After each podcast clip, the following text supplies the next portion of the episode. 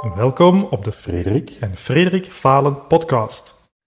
Hallo en leuk dat je luistert. We spreken met Thomas over zijn ondernemerservaringen en hoe hij de lessen die hij leerde in zijn eerste bedrijf nu toepast. Zijn verhaal kent veel vooruitgang en succes, ondanks dat er onderweg eigenlijk tegenslagen zijn en niets volgens het boekje verloopt. De vraag is of dat moet.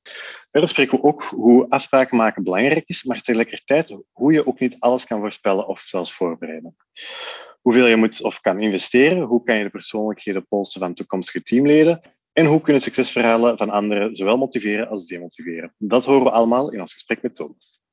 Uh, welkom Thomas. Uh, kan jij jezelf al eens eerst even voorstellen aan de luisteraars? Yes, bedankt voor de uitnodiging trouwens. Uh, ik vind het een heel boeiende podcast. Dus kijk uit naar ook de volgende afleveringen.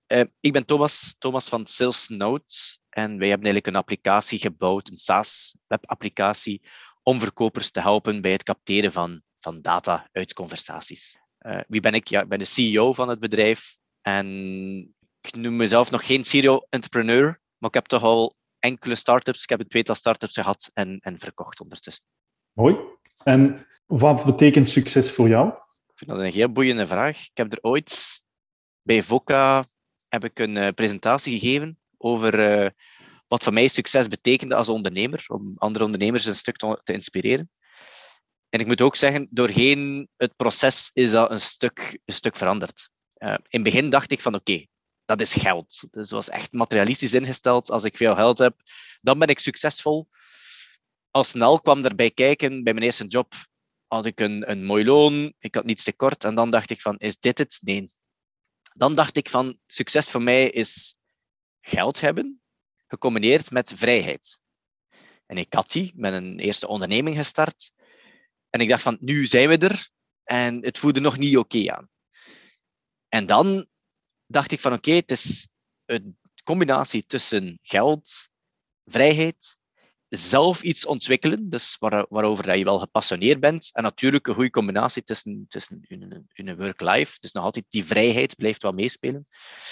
Dus algemeen voor mij, succes is de balans tussen, tussen alle onderdeeltjes vinden en toch doorheen dat proces een financiële onafhankelijkheid uh, creëren, dat betekent toch nog, dat betekent succes voor mij. Dat ik het ook een beetje juist interpreteer, dan is succes ook niet iets, iets hard meetbaar. Dat is inderdaad meer een, een gevoel van het zit allemaal in balans nu. Eigenlijk is dat een leuke dat je dat op die manier zegt, want een van mijn uh, business ideetjes vroeger was, ik maak een platform waarbij dat je je succes, meet, je succes meetbaar kan maken. Maar dat was heel materialistisch ingesteld. Van, ik ben die leeftijd, ik heb zoveel vermogen opgebouwd, en toen dacht ik van ja, dat is het niet. Eh, ik denk dat het wel zou aarden in deze maatschappij, maar dat het misschien niet een uh, indicator van succes is, maar een indicator van eigen vermogen opgebouwd. Um, dus ik denk inderdaad dat dat een heel moeilijke af te stemmen is. Ik kijk dan eerder naar battery management. En ik denk als je batterij op 100, 120 procent kunt houden voor jezelf, dat dat eigenlijk een goede indicatie van succes is maar moeilijk te objectiveren. Klopt. Is dat een, uh, een metric dat je al lang gebruikt of iets recent dat je ehm, gebruikt om, om als maatstaf van, van succes? Ik denk dat mm, ja, doorheen het ondernemen is dat wel een indicator geworden. Is dat een letterlijke indicator van, van succes? Ja, voor mij persoonlijk wel. Als ik, als ik goed in mijn vel zit, als ik, als ik goed mentaal als ik mentaal fris, helder ben en mijn indicator staat in het groen van mijn batterij, dan, dan voel ik me daar oké bij. Dan, dan, dan is dat voor mij een indicator van oké, we zijn de juiste stappen aan het pakken. Het is wel ergens succes voor mij. En de reden dat ik die heb toegevoegd, om op uw vraag terug te komen, die was er voorheen niet. Dat was dat gas geven en je moet in het rood gaan, net zoals dat je... Ik eigenlijk vergelijk het met sporten. Als je in de sport telkens in het rood gaat sporten, ja, dan ga je blessures oplopen, dan ga je het niet lang volhouden. Maar vroeger was er wel de mindset. Allee, kom aan, uh, you're going too slow, you pussy. You're going to, uh, you're thinking too small, you you pussy. Van die quotes ben ik toch een stukje van aan het afstappen. Uh, dus ja, het is een goede indicator. Um, en die is erbij gekomen doordat ik waarschijnlijk heb ondervonden van mijn batterij gaat hier naar het rood of naar het minder opgeladen toe. door net continu op die gasten te willen staan, door net continu die mindset te hebben van we moeten doorgaan, we moeten blijven werken, we moeten zoveel uren kloppen. En, en dat is voor mij een hele gevoelige geworden. En, en ja, misschien wel een van de belangrijkste. Ik, ehm, ik hoor dan direct, of als ik, het is een heel eh, projecterende vraag, maar dat lijkt me dat je dan ook heel hard inzet op lange termijn. Gewoon blijvend succes, continu kunnen dingen blijven doen en niet één maand iets doen en daarna volledig crashen. Is dat correct of is dat wat kort door de bocht langs mijn kant? Ik denk dat je daar wel een, uh, een, een, punt hebt. Um, als, als, bij mij toch, als beginnend ondernemer, was ik echt eager om, om bergen te verzetten. Ik wou mij bewijzen, niet enkel naar mezelf, maar ook naar anderen toe. En dan denk je van oké, instant succes of instant iets dat je meteen in beweging kan zetten, heeft meer impact, of naar de buitenwereld dan naar jezelf toe. En nu besef ik dan net de, aan de kleine knopjes draaien zijn dat, dat het ding doet. Um, ik geef een voorbeeld. Met ons bedrijf Sales Architects geven wij, um, adviseren wij mensen bij het opzetten van winnende salesstrategieën en bij het digitaliseren ervan. En vroeger kwam ik soms met stress na een sessie thuis, dat ik zei van verdorie, ik heb hier te weinig kunnen doen voor die klant. Ik heb te weinig impact nu kunnen opleveren. En nu is dan totaal een andere mindset. Nu gaan we naar de klant, gaan we mee gaan denken, minder instant impact, maar zoals hij zegt, long-term en mid-term impact. En volgens mijn visie, maar dat is ook een, een moeilijke te, te, te objectiveren, denk ik, um, heeft dat de long-term en de mid-term, als je daarop focust, en het is op die kleine elementjes, aan de kleine knopjes dat je kunt draaien, ook al is je sales met x aantal procent dat je kunt verbeteren, dat dat veel meer impact heeft dan instant proberen iets te, iets te forceren dat niet goed aanvoelt. Ik vind dat een, eh, een hele mooie kijk op de dingen en een, eh, een bevestiging van mijn aanpak ook. En ik vind het... Um, maar het is soms moeilijk omdat de wereld of de LinkedIn-post rond u schreeuwen wel altijd over amai, dit is gelukt op drie maanden en dit is dat. En, en het is zo bijna, het moet op korte termijn iets, of anders wordt het nooit een succes, of is het geen succes. Dat is, uh, ik vind dat zelf ook wel moeilijk om tussen te navigeren van dat wat van mij af te laten druipen. Weet je wat ik um, op hoop, Frederik? Hm? Ik hoop in mijn termen om tussen haakjes succesvol te zijn.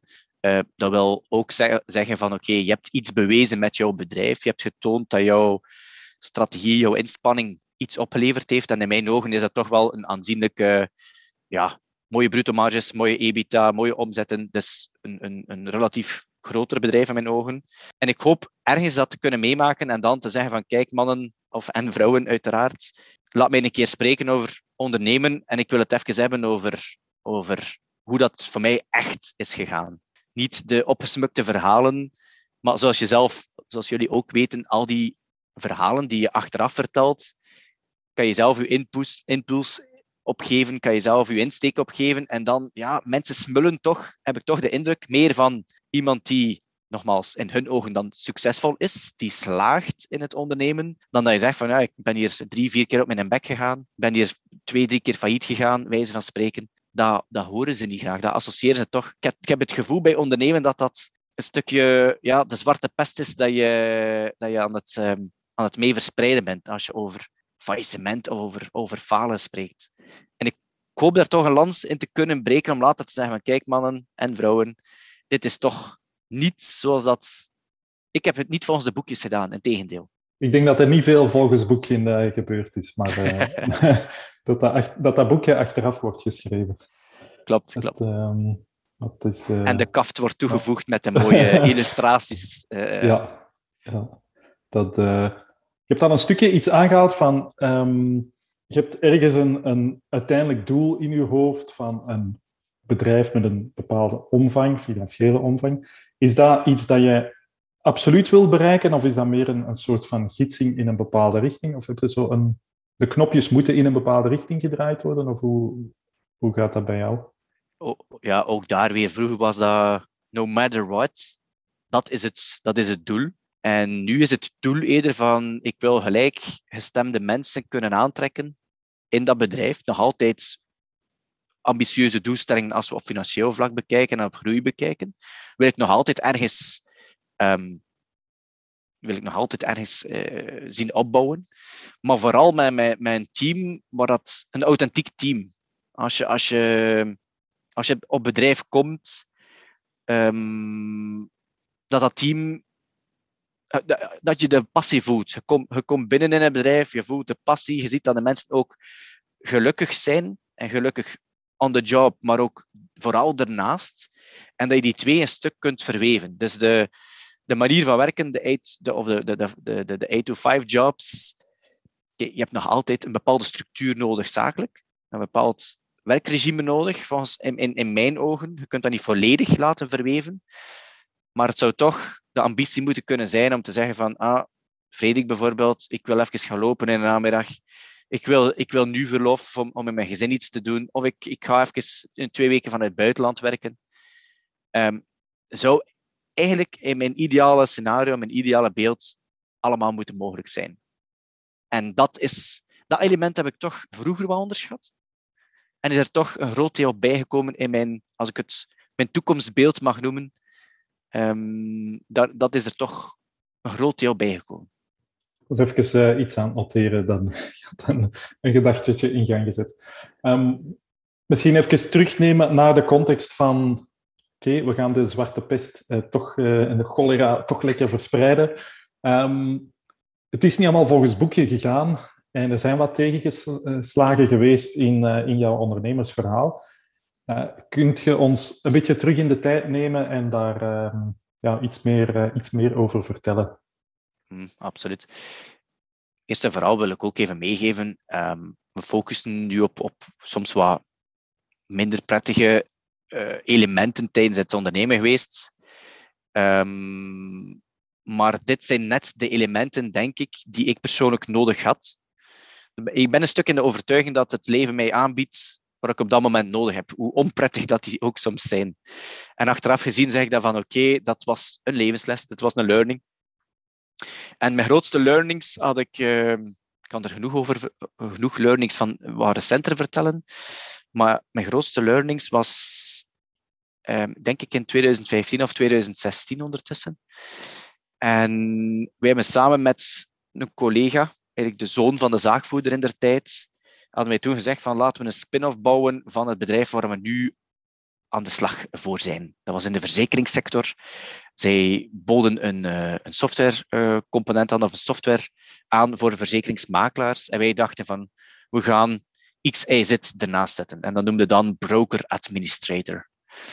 En dat was toen eigenlijk, uh, ik had echt het gevoel, ik heb er trouwens nog een post over op mijn LinkedIn, van dit is het. Ik voelde mij op dat moment echt ondernemer wat dat dan ook is, uh, laat ik in het, in, het midden. Um, maar daar we eigenlijk een bedrijf gestart. Twee personen, twee founders, zeg maar. Um, evenveel inbreng, evenveel uh, te zeggen. En toen starten we. Um, we hebben daar de fouten dat ik daar kan meegeven. we hebben meteen ingezet op personeel. We hadden eigenlijk nog ons product, onze dienst niet helder opgesteld. Eigenlijk ook helemaal geen heldere afspraken naar elkaar toe, qua, founders toe. Um, meteen zwaar investeren in infrastructuur, um, hardware, uh, een kantoor die, die redelijk wat centen kost toch in het begin. Dus het bootstrappen, zoals we dat zo mooi kunnen zeggen, dat daar was eigenlijk geen sprake van. Was meteen met de, de grote hamer uh, op alles waar we konden slaan.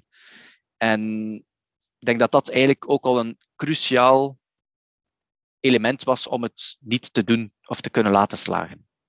En van waar kwam de, um, van waar kwam de overtuiging of van waar kwam de beslissing om het op die manier te doen?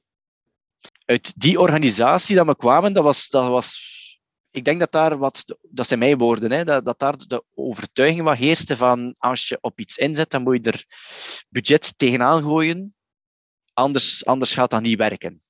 En wij hadden denk ik die mentaliteit wel meegenomen van oké, we moeten daar budget tegenaan gooien, of anders gaat het inderdaad niet slagen.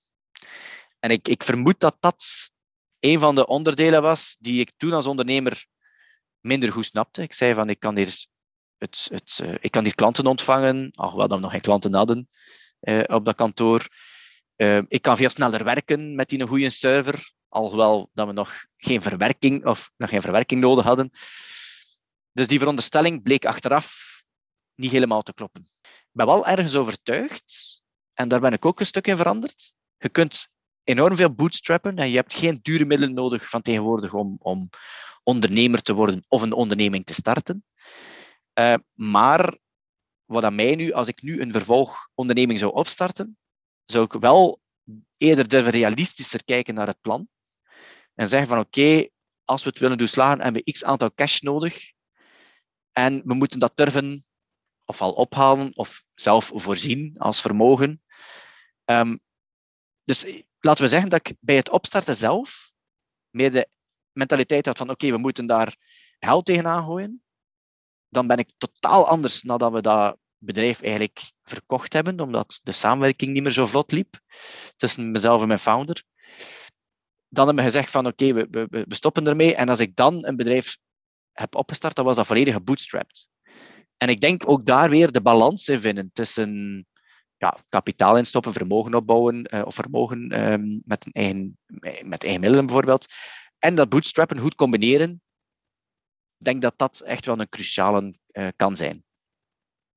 Ja, dus wat ik eigenlijk hoor is inderdaad, je hebt, je of ja, alles met de grote geldhamer uh, raken of ja, alles bootstrappen, wat een beetje de twee extremen zijn. Maar wat je nu eigenlijk aanhaalt, als ik het goed begrijp, is dat je inderdaad een beetje ertussenin moet richten. Sommige dingen kosten nu eenmaal geld. Ik denk maar aan uh, een website of een kantoor of wat dan ook. Ja, daar, daar, daar moet je geld in steken, helaas. Of ja, helaas. Soms is dat wel eens leuk. Um, maar anderzijds, ja, niet alles is, is, is per se, uh, moet, moet per se een kostenpost worden, natuurlijk. Uh, dus dat begrijp ik dan goed, hè? Oké, okay, um, En hoe heb je daar een soort um, werkwijze of routine nu, hoe dat je dat aanpakt, dat je kijkt van oké, hoeveel ga ik erin steken? Is daar een, een, denkpatroon aan of in? Um, of een bepaalde werkwijze dat je zegt van oké, hier ga ik dit bedrag aan toekennen of hier ga ik geen bedrag aan toekennen. Hoe, hoe verloopt dat ongeveer nu dan? Ja, ik denk dat dat, ook een enorm, enorm groeiproces was. Vroeger dacht ik van oké, we gaan dit naar mijn eerste bedrijf dan, we gaan dit wel, we gaan dit wel kunnen bootstrappen, maar het moet ergens realistisch zijn. En dat realistisch beeld bij mij was inderdaad, zoals hij aanhaalt, een redelijk een extreme. Van nu ga ik het keer tonen zonder um, extern kapitaal of zonder uh, dat ik er zelf veel geld in stop. Um, en nu heb ik een realistischer beeld. Laten we zeggen, als ik ergens een project aanvang, dat ik ook al beter kan inschatten van oké, wat zijn de kostenposten? Wat, waar wil ik toe komen en hoeveel kost die groei? En denk dat dat een heel, een heel interessant inzicht is. Vroeger lachde ik, ik dat wel weg. Um, als er iemand zei van Thomas, je moet beseffen dat groei geld kost, dan begreep ik dat niet helemaal. Dan zei ik van ja oké, groei kost geld, maar groei gaat geld opbrengen. Um, en, en ik denk dat dat een heel belangrijke is hierin.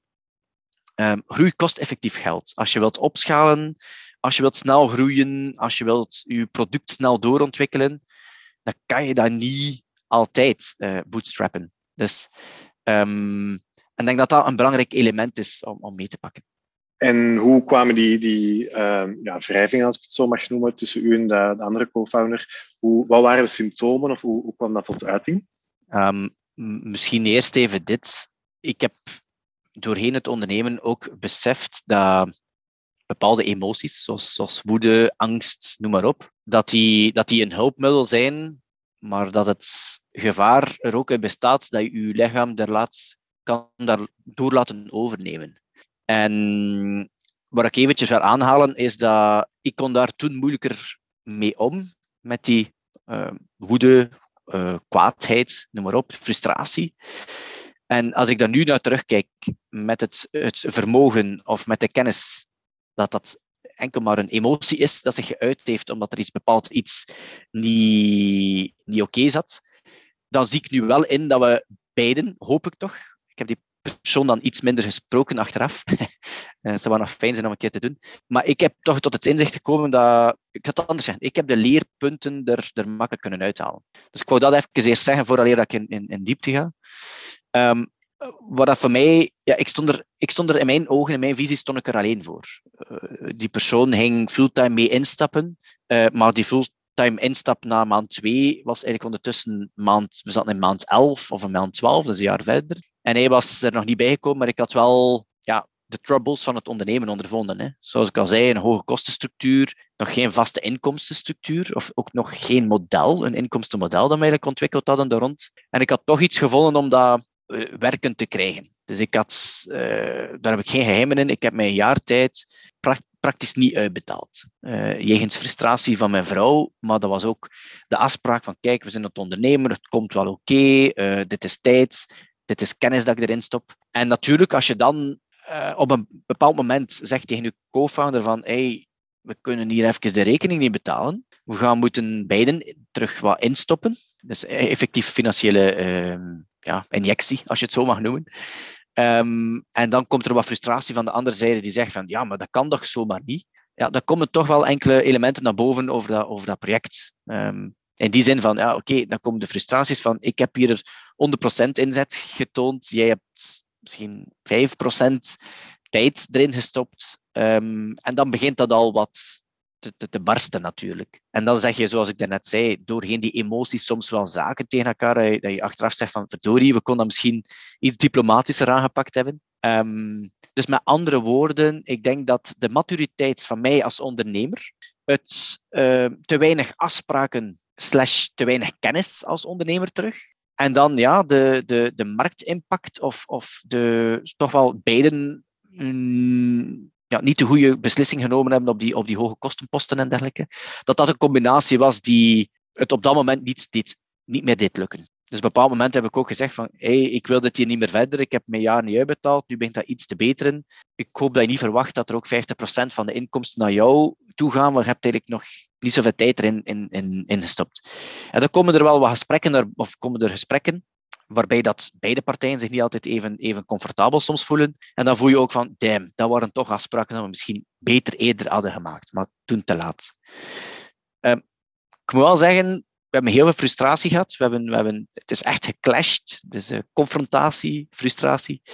Um, maar we hebben wel nog een happy end gehad, als ik het zo mag noemen. We hebben geluk gehad. We hebben daar een, een leverancier. Dat is um, Kastan van, van, van Kortrijkse. Ik kom nog altijd goed overeen eigenlijk met die mensen. En zij hebben dan een, uh, een voorstel gedaan om ons bedrijf over te nemen. Dus achteraf gezien was dat in mijn, in mijn ogen een failure als ik het zo mag zeggen. Een, was dat een stukje falen. Maar we hebben dat toch tot een goed einde kunnen brengen. En nu, met de kennis dat ik nu heb, kan ik dat een heel stuk relativeren. En zie ik van oké, het was een eerste, ehm, een eerste ondernemerservaring. We hebben er ons tussen haakjes ons broek niet aan gescheurd. Uh, was dat, was dat een, uh, heeft dat ons windeieren gelegd? Zeker ook niet. Uh, maar we hebben dat proper, toch proper kunnen afsluiten. Um, en het heeft mij heel, heel, maar echt heel veel kennis bijgebracht als ondernemer. Is dat ook wat je bedoelt met een semi-fail? Dat is iets dat je aanhaalde in, in ons voorgaande gesprek. Van ja, het is, het is een semi-fail in de zin, ja, er zijn eigenlijk dingen die heel goed gaan, maar ook dingen die eigenlijk niet verlopen zijn zoals dat ze zouden moeten of dat ze zou willen. Met, met semi-fail bedoel ik, um, we hebben er geen financiële kater aan overhouden. Mijn relatie is erdoor gesterkt. gesterkt natuurlijk zou nu terug bij mijn vrouw moeten aankloppen en zeggen ik heb hier eigenlijk geen businessmodel en ik ga starten met twee mensen personeel, ik ga uh, zwaar IT-infrastructuur investeren en direct een, direct een bureau huren van x aantal honderden euro's. Denk ik dat ze wel zou zeggen van daarmee kan ik minder akkoord gaan. Dus met andere woorden, semi-fail is voor mij, ik heb er heel veel van geleerd, het was een, een zware periode, uh, zeker en vast. Maar het, hetgeen dat ik er dan overhouden heb, de groei dat ik als ondernemer dan overhouden heb en de groei in mijn relatie daardoor, heeft mij ja, daardoor een semi-fail. En als je het kadert in, in wat je net zei over de definitie van succes, en dat die eerder eerst heel financieel was en nu meer financieel in balans met, met uh, andere levensdomeinen, is dat dan iets dat bijvoorbeeld miste in uh, de, het eerste bedrijf? Um, ik ga misschien een stuk naast Mhm. naast, de, naast de kwestie antwoorden misschien nog niet.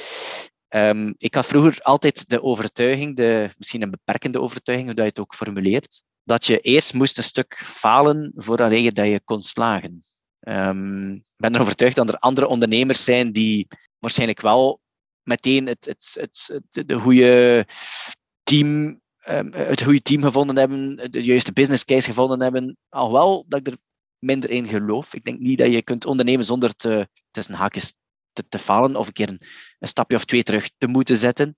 Um, dus eh, hieraan gerelateerd aan die semi-fail en, en het succes van vandaag, dus de semi-fail van de eerste onderneming, succes, succes van vandaag. Um, ik zag me daar inderdaad niet succesvol, omdat ik mijn KPI's of mijn doelstelling niet behaald heb van een gezond bedrijf te ontwikkelen, waarbij dat iedereen zich goed voelt. Um, dus daar moet ik wel op zeggen van, oké, die KPI's zijn toen niet behaald geweest en zijn nu wel belangrijk om tussen haakjes dat succes te kunnen, uh, te kunnen evenaren of te behalen. Ik vind dat een, een, mooie visie om, uh, uh, ja, om ook te duiden van het kan langs de buitenwereld dan ook lijken van ja, gaat een beetje strubbelingen, maar je hebt de bankrekening vindt dat een succes, dus het is de facto 100% een succes. En terwijl je eigenlijk met het gevoel kunt zitten van het is niet wat ik ervan verwachtte of op hoopte. En dat het dan toch, uh, ja, dan is, is het dan een succes. Ja, ja dus, dus, dus, dus, een, is een hele goeie. Ik denk dat, en ook die, die succes, het definiëren van succes, ik denk dat dat net de leidraad is van uw, van van uw battery management Zit ik hier nog altijd in het groen, wijze van spreken, of ben ik nog altijd 100%, opgeladen? En we hebben het vorige keer ook gehad, Frederik, over, de, over het imposter syndrome, waarbij dat ik zei van, ik denk dat de imposter syndrome een hele goede indicatie hebt dat je eigenlijk nog niet de persoon geworden bent waar je de visie van ontwikkeld hebt dat je, wilt, dat je zou willen worden. Als, ik hoop dat ik mhm. verstaanbaar ben. Um, en ik denk dat dat ook een stukje met, met het succesverhaal is, of de battery management, alles gecombineerd dat als je er nog niet volledig bent, dat je er authentiek in gelooft van dit is voor mij succes, dan is er een groeipad. En ik denk dat dat groeipad levenslang zal duren. Met waarschijnlijk iets meer, eh, denk toch, dat, dat, dat, dat we iets meer kunnen relativeren van oké, ik ben er nog niet tussen haakjes volledig waar ik wil zijn, maar ook terug door het relativeren kunnen zeggen van we hebben die stap behaald, bijvoorbeeld een bedrijf opgestart, financieel gezond, een goede eh, work-life balance. Eh, de mensen die we aantrekken voelen zich oké. Dus ik denk dat dat ook wel stelselmatig moet gebeuren en af en toe de visie van succes of de definiëring van succes opnieuw gaan maken. Twee vragen die mij te binnen schieten. Ehm, die definitie van succes, eh, niet persoonlijk, maar binnen het bedrijf, is dat iets dat je nu regelmatiger ook met het team overlegt? Yep. We hadden het net met uw collega Frederik over, um, achter de coulissen. Um, van hoe, hoe, zit uw team, zit, is, hoe is uw team nu vandaag samengesteld en hoe, hoe zit het met de co-founder? En op vandaag heb ik terug een match met een potentiële co-founder. En die gesprekken die ik nu voer, zijn meer in die richting. Van wat is voor jou? Wat is voor jou succes? Wat betekent dat als je in een bedrijf komt, waar zie je jezelf gepositioneerd? Wie zie je rondom jou? wie ben jij en welke mensen zie, zie er nog bij komen? Um, wat moeten die mensen doen? Welke richting? Welke visie? Persoonlijk, waarmee zijn ze bezig? Wat geeft er uw energie? Um, materialisme, hoe belangrijk is dat voor jou? Um, of net niet? Waar, waar, waar liggen uw drijfveren? dus dat, die, die gesprekken komen op tafel. Ik heb, moet er wel een, een, misschien een uitroepteken of een, een, uh, een, een side note. Ik heb ook al de fout gemaakt om het te veel te delen in mag ik het zo stellen, het niet-management-team. En ik, ik tracht dat door te voeren naar iedereen dat bij ons komt. Ik vind het nog altijd oké om, te, om te vragen wat zijn uw drijfveren, want iemand die geen drijfveren heeft of die, die ze niet helder heeft, is ook moeilijker te motiveren. Um, maar soms hebben mensen ook die ingesteldheid van, ik, kijk, ik, dit is mijn job, ik doe hem met plezier, maar dit is hem ook, oké? Ik heb een duidelijke visie van mijn privé, van mijn werk, maar uh, het hoeft allemaal niet zo complex te zijn. Of, of eh, die visie, ja, oké, ik, heb, ik heb mogelijk ben een visie aan het creëren.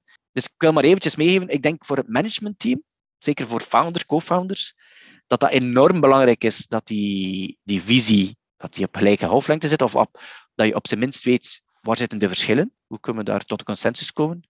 En daar tussen haakjes medewerkers of collega's moet je ook respecteren dat zij dat niet altijd wensen helemaal in diepte te delen. Of, of dat hoeft ook niet allemaal in diepte duidelijk te zijn. De tweede vraag dat ik ook nog had is, je hebt daarnet het imposter syndroom aangehaald. En ik moest er eigenlijk aan het begin van ons gesprek ook aan denken, omdat je de battery level aanhaalde. Naar mijn beleving zijn dat eigenlijk twee tegenstrijdige dingen, namelijk imposter syndroom vreet energie, dus het feit dat je in die groei zit van ik ben er nog niet, is eigenlijk een, iets positief. Maar het vreet energie. Dus als je alleen maar naar dat energiepeil kijkt, kan dat ook een, negat of een, een foute interpretatie daarvan zijn. En daar ben ik benieuwd naar uh, hoe dat je daar naar kijkt. E-, enorm boeiend inzicht. En ik moet ook toegeven dat in eerste instantie dat het, het beseffen van oei, ik ben niet de persoon die ik wens te zijn, of wens te etaleren, want daar zitten wel wat, wat, wat verschillen in. Um, dat, dat vreet inderdaad in eerste fase energie. Maar ik denk als je in je, in je, in ontwikkeling, in je self-development, um, zelfontplooiing, dat je als je het gaat, begint te zien als tool om te groeien, dat je ook de lading er een stuk van afhaalt. En, en wel, het is nu onbewust dat ik over lading spreek, maar daar gaat het over in die battery management.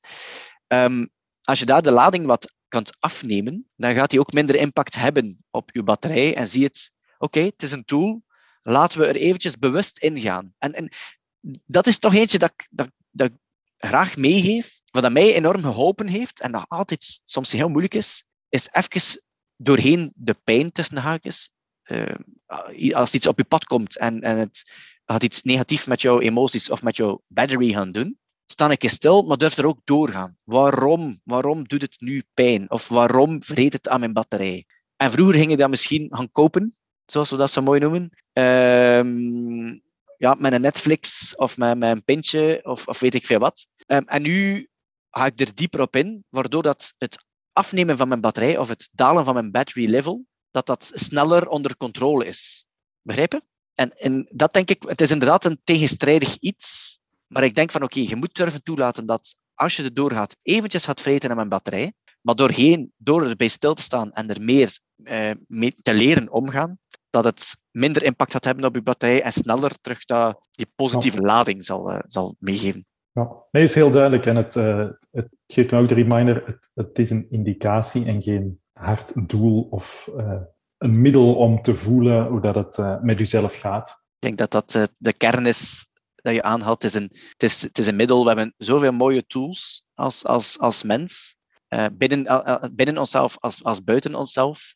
Ik denk dat dat de, de tool mag niet gezien worden als het doel, uh, maar als het middel om ja, dat veranderlijke doel mee te gaan, een stuk te gaan bereiken. Eén dingetje dat ik nog op wou doorvragen ter, ter verduidelijking van, van de context binnen broker-administrator je zei net van, oké, nu met een teamleden, maar ook een, een potentiële vernoot, spreek ik van alle dingen door.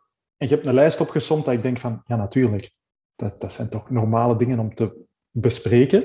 Maak ik dan de conclusie correct dat je dat bij de eerste, het eerste bedrijf eigenlijk totaal niet, dat jullie dat eigenlijk niet hebben gedaan en gewoon, we hebben een idee, hup, we gaan ervoor klaar? Dat was... Um dat tool was dan, dan vrij geënt op, op, op vrijheid en het, en het materiële. Mhm. wij, wij, dachten echt dat we de, de nieuwe Wolf of Wall Street waren, dat, dat, dat de wereld op zijn kop ging zetten. Um, en dat waren, als je het nu bekijkt, heel oppervlakkige gesprekken. Mm um, dat zal ook terug aan de maturiteit van, van beiden hebben gelegen, vooral aan mezelf. ik weet niet hoe dat hij zichzelf, hoe dat hij dat zichzelf um, achteraf bekijkt, natuurlijk. Um, maar toen, als jonge ondernemer, was het nogmaals heel sterk materieel gedreven.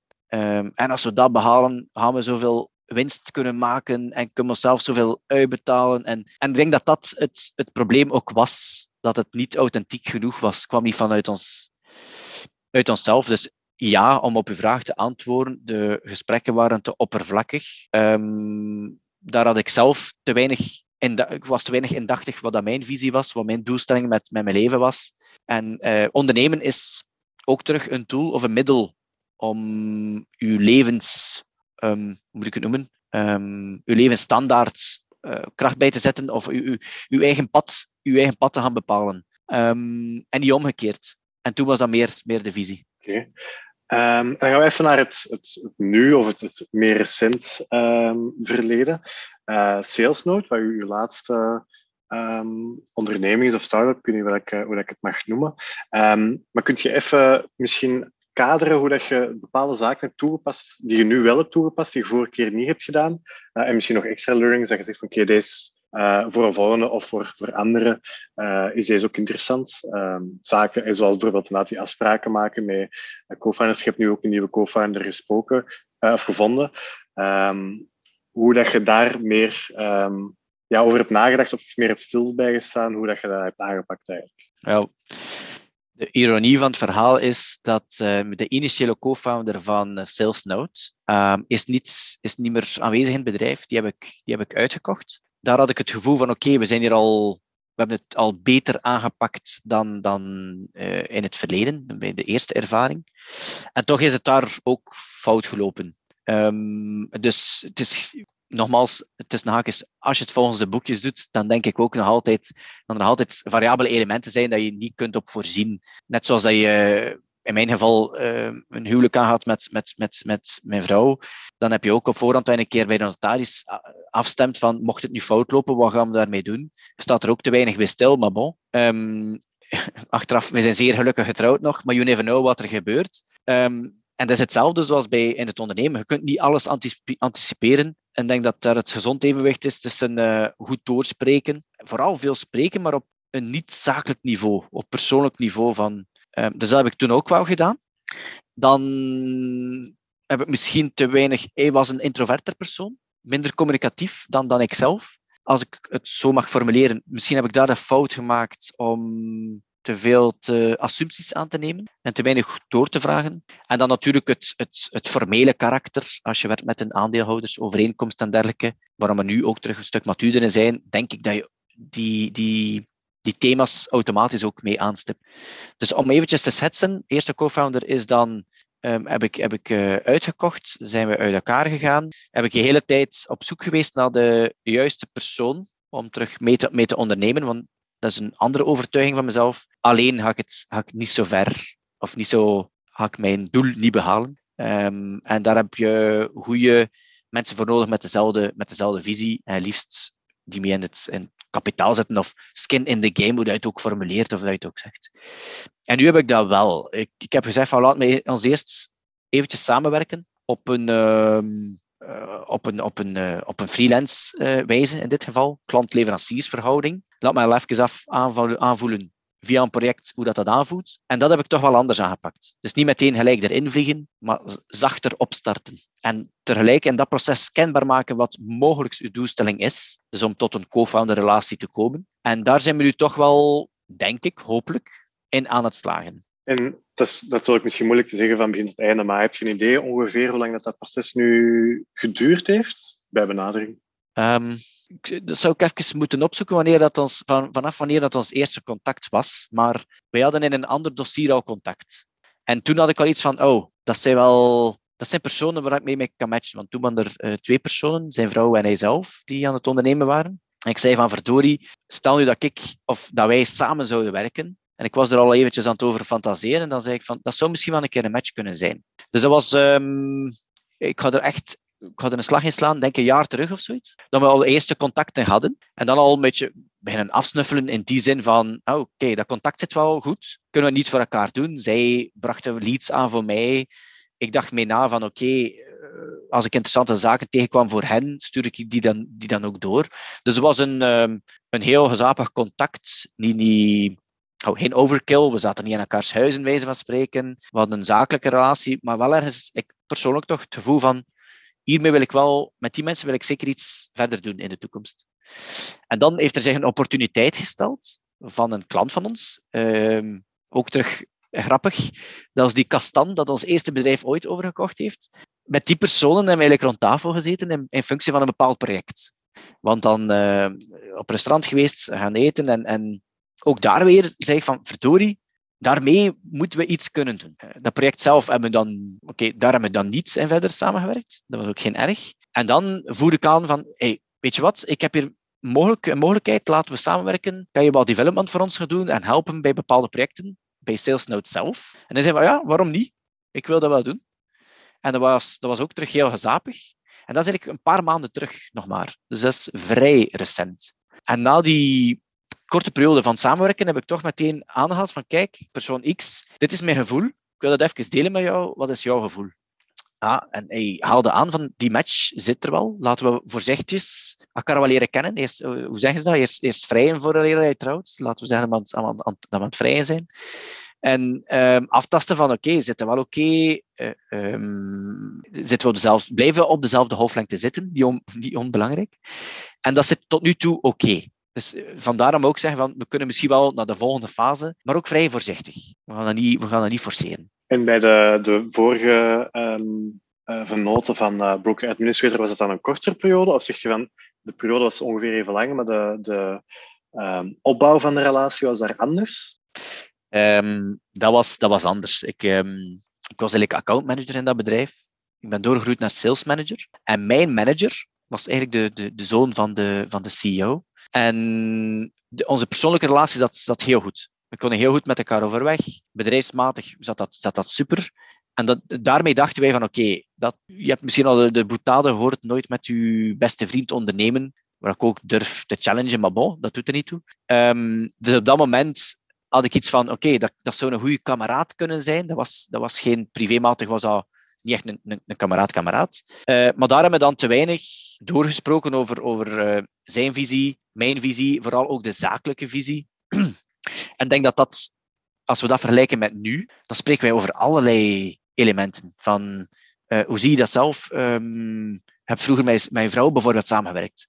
Um, wens je dat die terug in een bedrijf komt op termijn? Wat is de visie van mijn vrouw op vlak van ons, onze, onze onderneming? Um, dus zo, zo ver gaat het voor mij wel. Ik, ik vraag hem echt van, hoe, hoe kijkt uw vrouw naar, naar onze haakjes, relatie? Um, hoe kijkt mijn vrouw daarnaar? Uh, is het nodig om ze even te laten kennismaken? Um, Zo'n zo zaken, waar ik vroeger eerder zei van, wij doen het iets kortzichtiger. Dus dat, dat, dat is wel een heel groot verschil met, met het verleden en nu. Oké, okay, dan gaan we stilletjes aan afronden. Ik heb nog eerst een vraag, die ik, uh, dat, is, dat, is, mijn favoriete vraag eigenlijk ook wel een beetje. Um, het je een boek dat je wilt aanraden, dat mag in alle genres zijn, dat mag uh, fictie, non-fictie zijn. Uh, maar is er een boek dat je zegt van oké, okay, dat is echt, maakt niet uit als ondernemer of als persoon gewoon, um, dat je kunt, kunt aanraden? Kort of lang antwoord? Lang. Oké.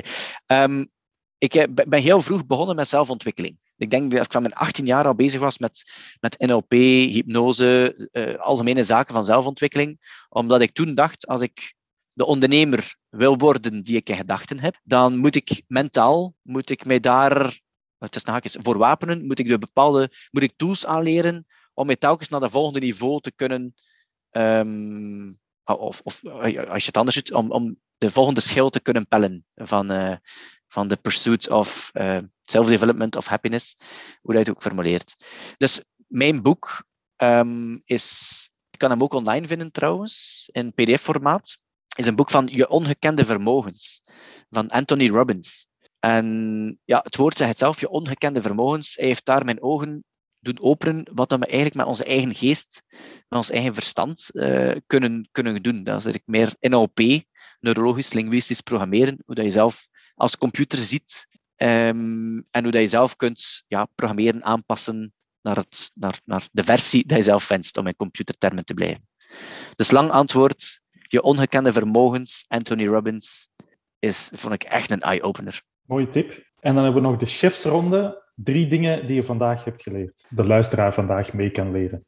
De, luister, de, de luisteraar die vandaag mee kan leren.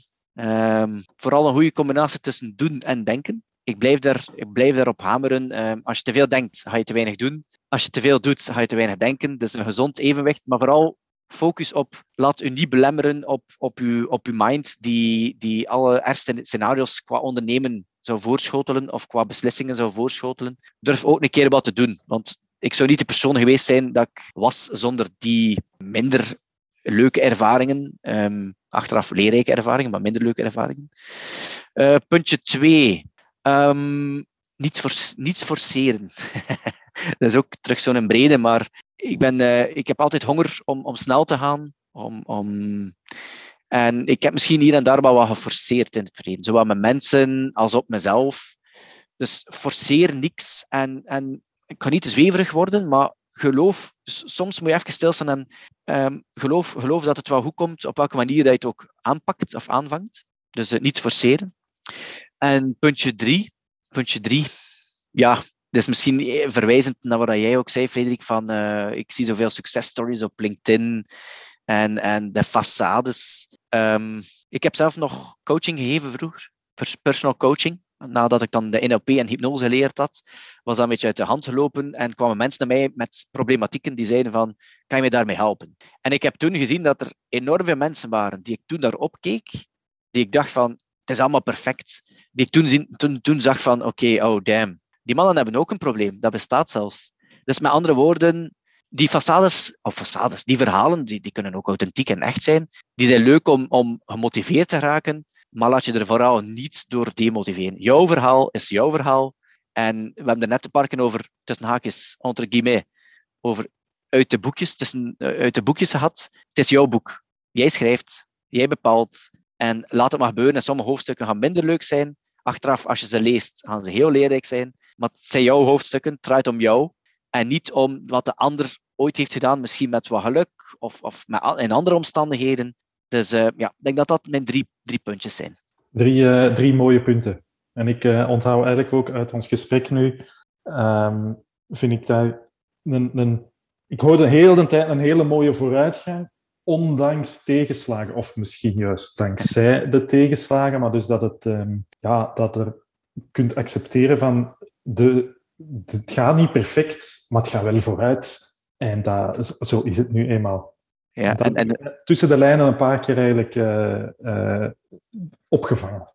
Ja. En als ik nog één dingetje mag aanvullen. Hm. Bij mij vooruit, vooruit gaan was telkens de, de ambitie vooruit, vooruit, vooruit. Maar even, maar echt, echt stilstaan, hè, kan zoveel deugd doen. Dus er, er, er een keer stilstaan. Dat is een mooi om af te sluiten. Uh, nog heel even kort gewoon, om echt af te sluiten dan. Uh, waar kunnen mensen nog vinden? Uh, het liefst op uh, online of op LinkedIn? Of waar kunnen mensen u contacteren? Yes, ik ben heel actief op LinkedIn. Dus Thomas Nering via LinkedIn of Salesnote op LinkedIn. Um, en als, als je een van de Frederiks aanspreekt en je wilt een keer een koffie gaan pakken, of, of ik heb er net te weten gekomen dat Frederik een hele interessante tool heeft om mensen te matchen kan me er ook op inschrijven, dus ook via, via de tool van Frederik kan je mij erop vinden. Uh, dus ja, alle elektronische kanalen, zeg maar, ben ik vrij aanspreekbaar. Of via uiteraard onze site www.salesnote.eu. We zetten het nog in de notities. En dan uh, dank u wel, Thomas, voor deze interessante gesprek. Jullie ook. Interessante vragen en voor de interessante inzicht. Vond je dit een boeiend gesprek? Abonneer je dan voor alle volgende afleveringen en volg ons op LinkedIn of Instagram voor alle updates. Heb je zelf een verhaal over falen dat je wil vertellen? Contacteer ons dan via falenpodcast.gmail. Dat is fffalenpodcast.gmail.com of via onze social media kanalen en profielen. Tot in het volgende gesprek.